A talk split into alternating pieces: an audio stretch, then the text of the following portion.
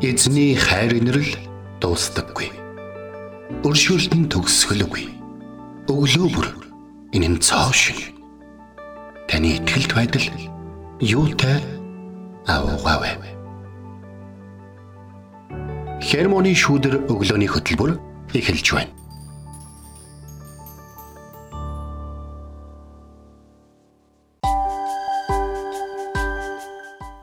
Өглөөний мэнд. Өглөөний мэнд. Итгэл радиогийн эфирээс хермоны шүдэр өглөөний хөтөлбөр эхэлж байна.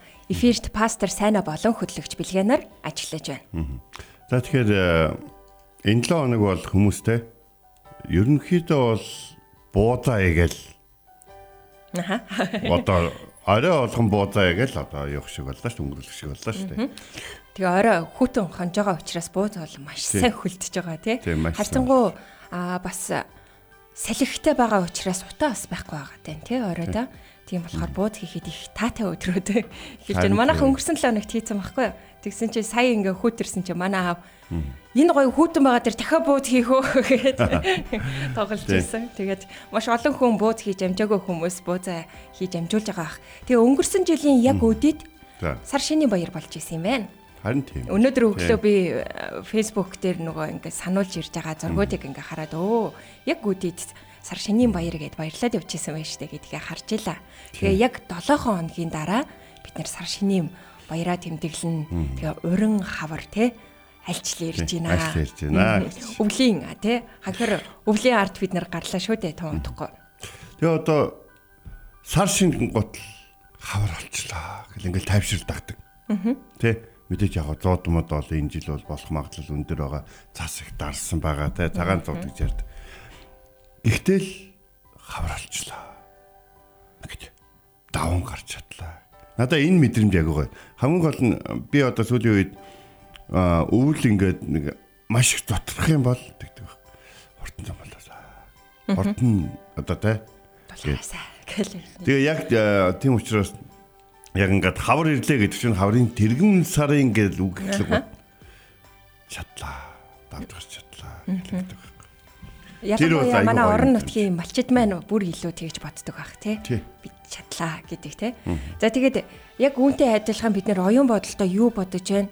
Түүнээс бас бидний амьдрал айгүй их шалтгаалдаг гинэ. Тэгээд Джон Пайпер пастрийн Аа чимээгөө цагийн нэг номлол дээр тэгсэн мэсэн.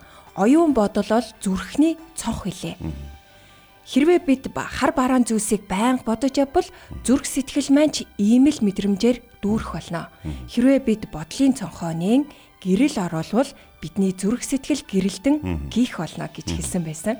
Тэг хүний бодлын одоо нэгэн гайхалтай чадвар бол сонгосон зүйлдээ анхаарлаа төвлөрүүлэх юм байна.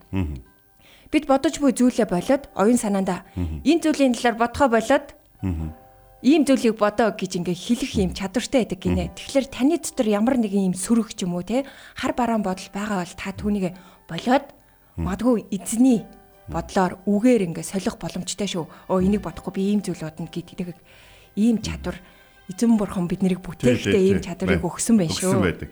Тэрийг бас манай пасторыг тайлбарлаж ирсэн мэхээр бид нар ингээд эхлүүлээд эхлүүлээд бичээд ингээд тавьсан юм номууд байдаг гинэ.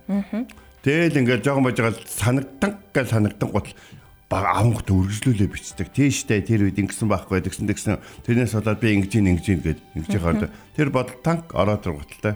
За бурхан минь те Тим хүнд үед намайг хайрж хандаж аварч ингэсэнд баярлаа. Таг хаала тэрийг дахиж тавир дээр тавих хэрэггүй. Хайдаг юм уу, яадгийн те. Шууд тусгалд оруулах. Шууд устгалд оруулдаг юм уу, яг тэгж явах хэрэгтэй юм шиг. Тэгэхгүй бол бид нар нөгөө нэг юм нэг юм ойлголоо. Тижээж болохгүй. Аливаа муу дурсамжийг тижээж болохгүй. Шарахыг юм бол болсон явдлаасаа ч том зүйл болчдөг. Тэр үед ганцхан та хохирсон байсан бол та тэр гомдол шарах өмнө тижээх юм бол одоо тантай байгаа бүх хүн хохирдог. Энэ хамгийн аюулт. Тийм байна. Тиймээс л ерөнхийдөө бол тэр архивыг бол гараа юу вэ? Энийг одоо бодоо явж идэг зав хаа гэдэг аваад байж. За сонсогчтой Хермоны шүүдэртэй хамт өглөөг ихүүлж эхлүүлж байгаад Аха. баярлаа. Тэгээд өнөөдөр та юу бодож өглөөс сэрсэн бэ те? Юуны талаар ингээд сэтгэл санааг чинь ингээд зовоож байгаа зүйл байна вэ? Тэр бүхнээ эзний өмнө энэ цагт авчирна авчирч те эерэг бодлоор эзний үгээр түүнийгэ солилцгоё. Тэгээ эзэн далдар магтаалыг энэ цагт өргөцгөөе.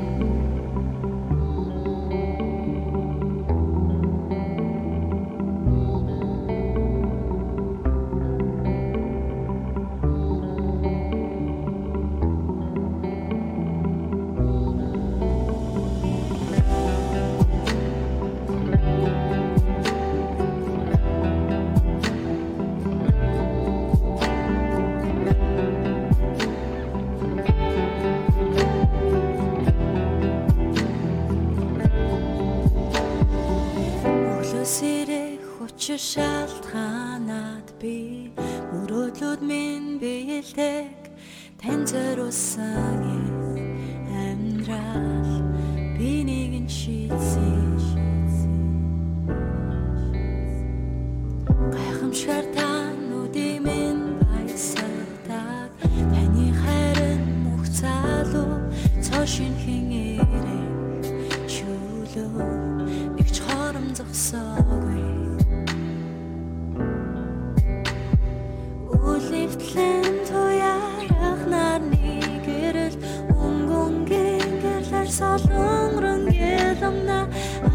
чисний дотор өөрийгөө олсон. Амьдрал үргэлжилсэн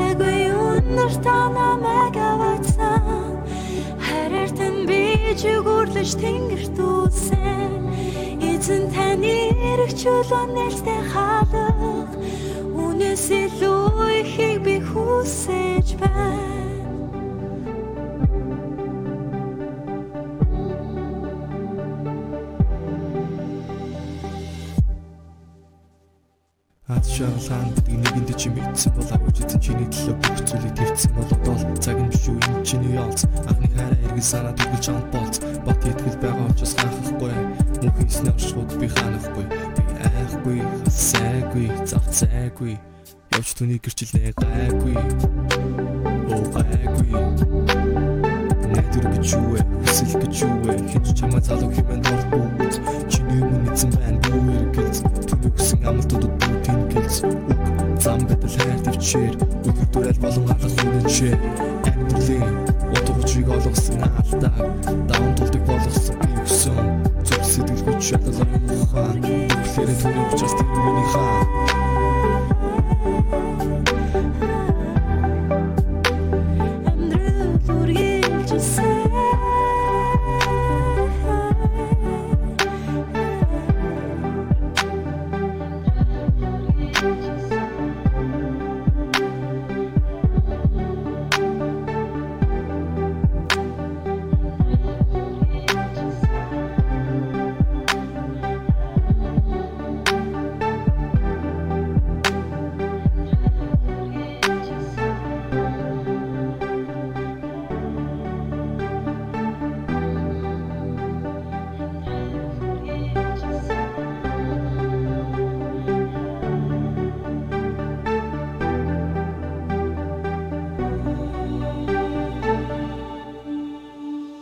Өглөө бүр хайр инэрлээ надад сонсгооч.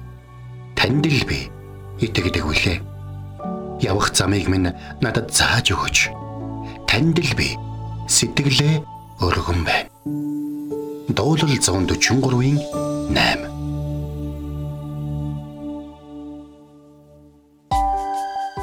За бид хамтаа 1-р Тимоти 1-ийн 16 хамт үз. Тэгэхээр 1-р Тимоти 1-ийн 16 энэ ишлэл надад Паул, Тимот гэдэг хоёр хүний бурхны өмнө те ингээ гурлаа ярилцаа байж хад хоёр нь хоорондоо сэтгэлээсээ ярилцаад тэгээд хажуудаа байгаа хүнийг те хүнд ингээд өөрсдийнхөө талаар яг ингээд сэтгэлээ уудалж ямар санаа зовх зүйлээр ярьж байгаа юм шиг тийм дүр төр харагдаг. Тэр нь юу гэхээр яг Есүс Христ, Паул, Тимот гурав суугаад ярьж байгаа юм шиг.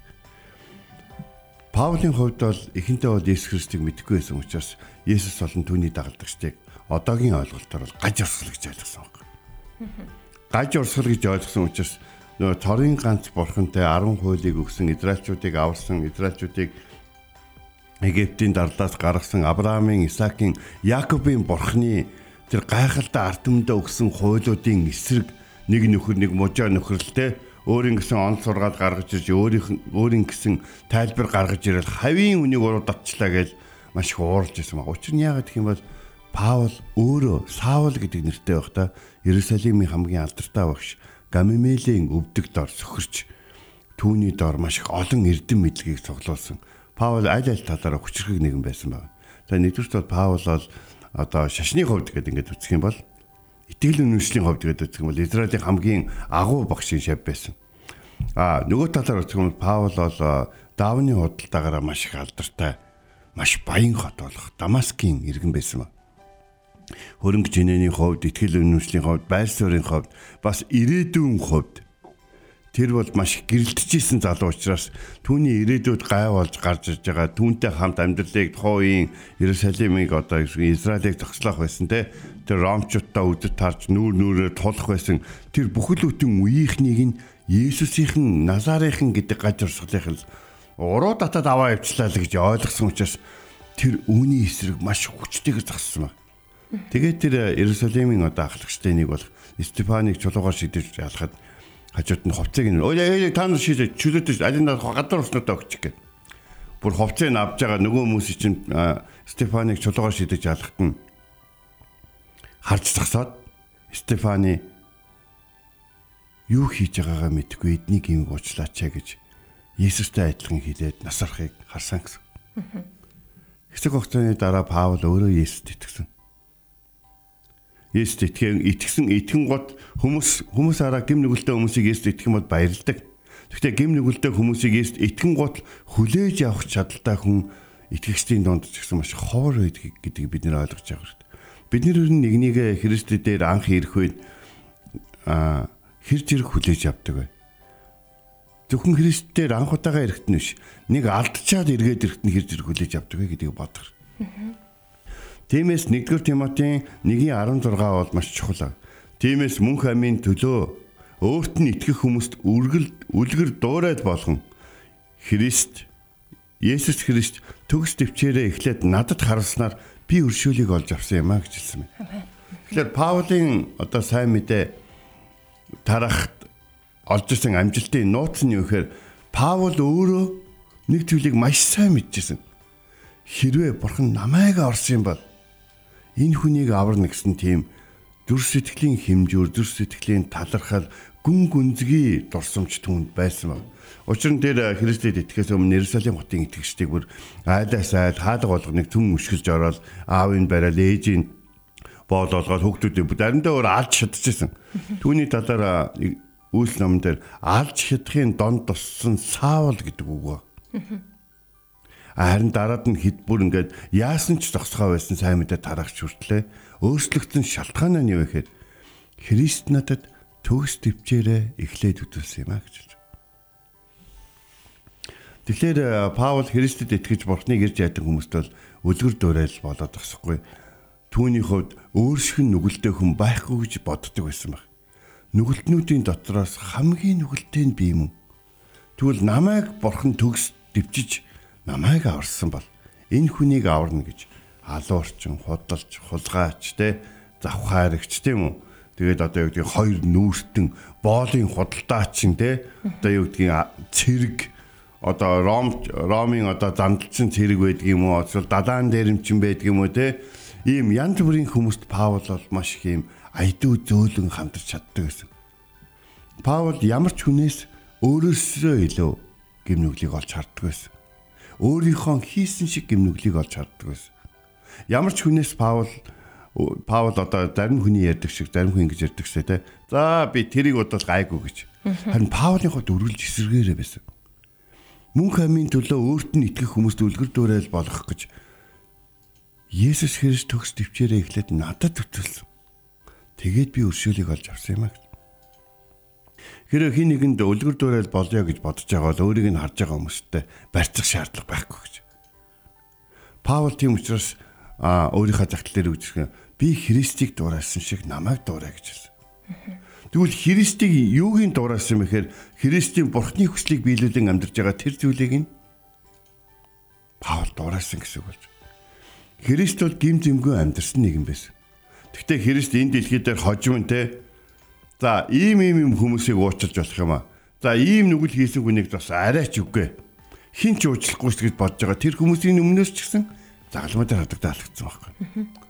Тэгээ тэр хүмүүс тэр бурхны хайр инэрлийг орж авъя гэж үзчихвэл яг Саул байж байгаа түүний өмнө ирж өршөөлийг нь хүлээж авч талархаж тэ түүний зарц болж насан туршдаа сайн мэдээний илч болсон Паул шиг талархалтайгаар амьдрах хэрэгтэй. Тэгэхээр бид нэг ийм төлөв аяасан. Хүмүүс заримдаа ингэж ярьдаг штэ. Надаас та нар үлгэр дөрөөл авах шаардлага байхгүй. Намайг битээ хар, Есүсийг л хар гэж. А гэтэл үнэндээ хүмүүс бид нар нэг зүйлийг аяг сайн мэдж байгаа. Хүмүүс харж байгаагаа дуурайж амтдаг шүү дээ. Бодит нүдэн тарагдчих байгаа тий. Аавынхаа сайныг дуурай гэдэг ч юм уу тийм үг хэллэг бол байдаг те хүмүүсийн донд те. Гэхдээ Христэд итгэгчдийн хувьд бол энэ бол айгүй утгагүй үг байхгүй. Үнэхээр Христ надад төсвөр төвчээрээ харуулсан гэж бодож байгаа бол бид өөстөө ч гэсэн хүмүүс төсвөр төвчээрээ харуулах хэрэгтэй.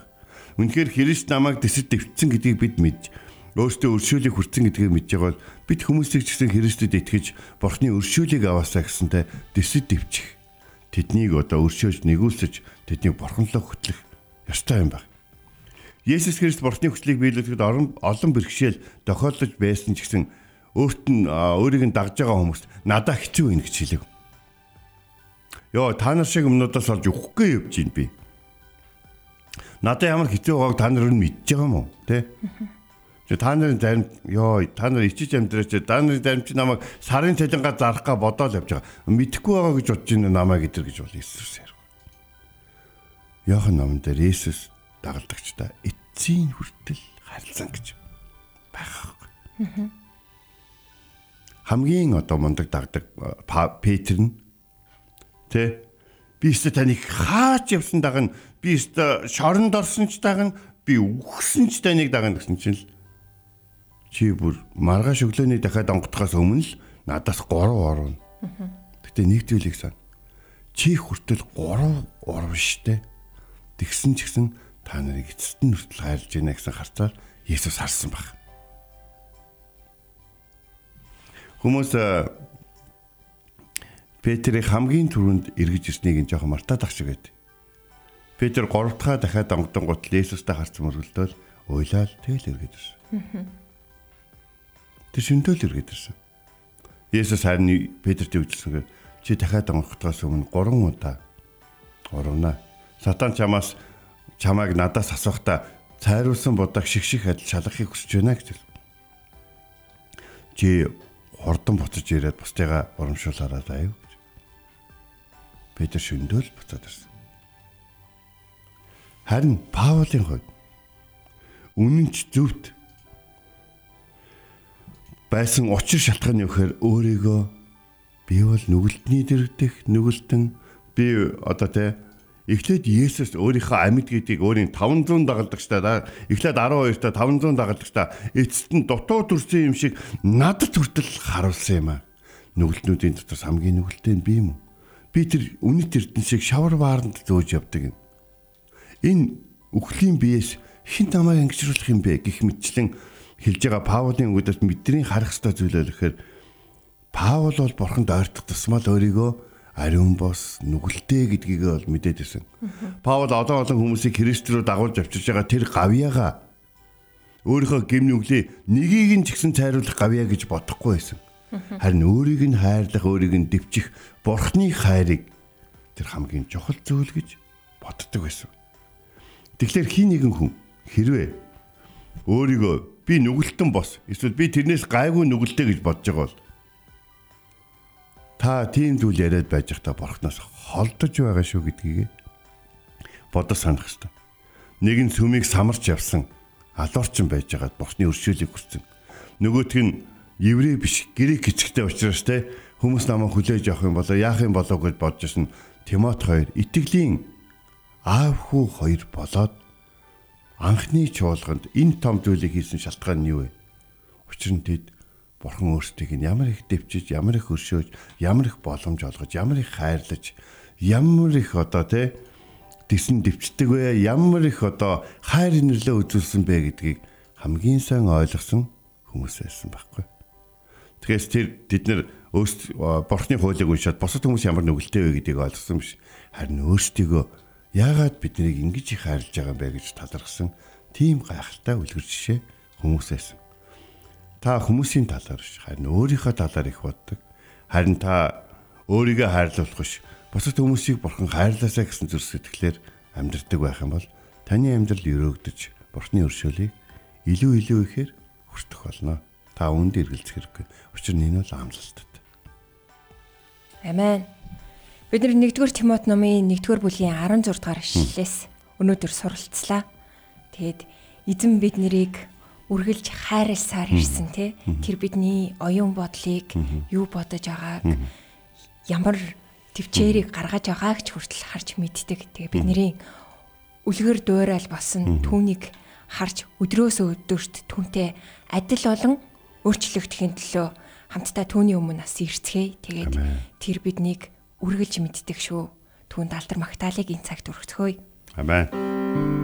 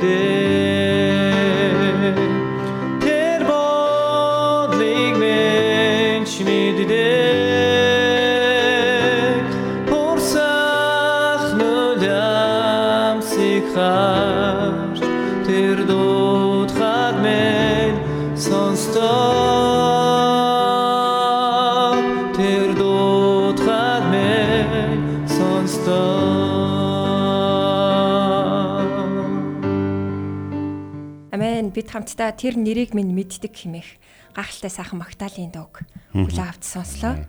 1-р Тимот номын 1-ийн 16 дугаар ишлэлээс өнөөдөр бид нэр суралцлаа.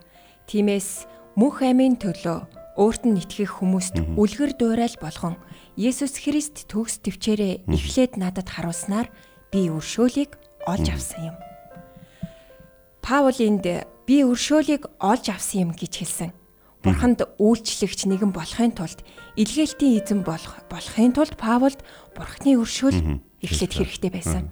Тиймээс мөнх амийн төлөө өөрт нь итгэх хүмүүст үлгэр дуурай болгон Есүс Христ төгс төвчээрээ эхлээд надад харуулснаар гэж Паул хэлсэн. Паул энд өөрийгөө сайн мэдээг тунхаглагч төдий биш. Харин сайн мэдээний үлгэр дуурай болсон гэж хэлж байна. Тэгээд бид ч бас Есүс Христийг бусдад харуулах тэр нэгэн үлгэр дуурай болох хэрэгтэй тий. За тэгээд энэ цагт эзэн бурхны өмнө нэрж түүний өмнө хамтдаа залбирах цагийг гаргацгаая. Бурхан минь энэ өглөө бид таны өмнө хамтдаа ирж байна. Бид хамтдаа энэ өглөө таны өмнө өөрсдийн амьдралыг болон өөрсдийн хайртай хүмүүсийг бидний оюун бодол байдаг, залбирахтаа нэрийг нь дурддаг тэр хүмүүсээ ч гэсэн таны өмнө өргөн залбирч байна. Тэр хүмүүстэйгээ мөр зэрэгцэн суугаад тэр хүмүүстэйгээ хамт таныг магтаж таны өмнө залбирэн суудаг тийм гайхалтай цаг мөчүүд их байдаг ч болоосаа. Тиймээс таны хайрын нэлийг энэ цаг мөчүүд залбирэн гуйж байна. Бид зарим хүмүүсийг өөрсдийн сул дорой байдлаас олж танаас холдуулсан бол та биднийг эмнэглэг уучлж өгөөч. Бид зарим хүмүүсийг өөрсдийн дуулуургүй байдлаас олж тань дээр эрт авчираагүй бол та биднийг уучлаач гэж таасгууж байна. Та төгс төвчээр нэгүслээ үдүүсээр байгаа учраас бид бүгдөө таны өмнө хүн хов хүн болгон зогсож байгаа.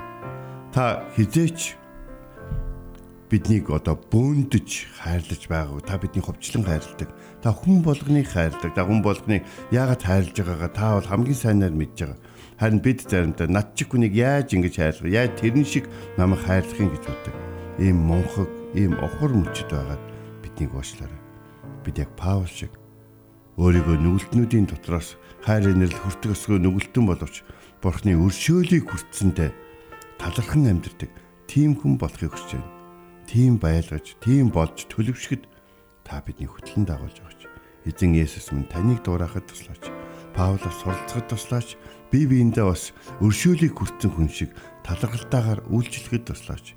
Энэ өглөө тань талархан хайртай хүмүүсээ тань даатхан их орноо бас бидний зайлшгүй бидэнд нүдэнд харагдаг бүхий л хүмүүсийг тань даатхан Есүс та тэр хүмүүсийг аврахыг хүссэн учраас таны нэрээр таныг илгээсэн бурхан эцэг тандан залбирлаа.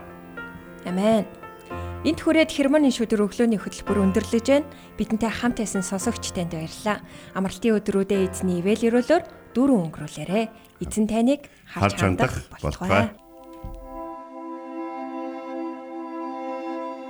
Эзэн зүрхийг чинь бурхны хайр ба Христийн төвчөрт чиглүүлэх болтугай. Хермоны шүдэр өглөөний хөтөлбөр танд хүрэлээ.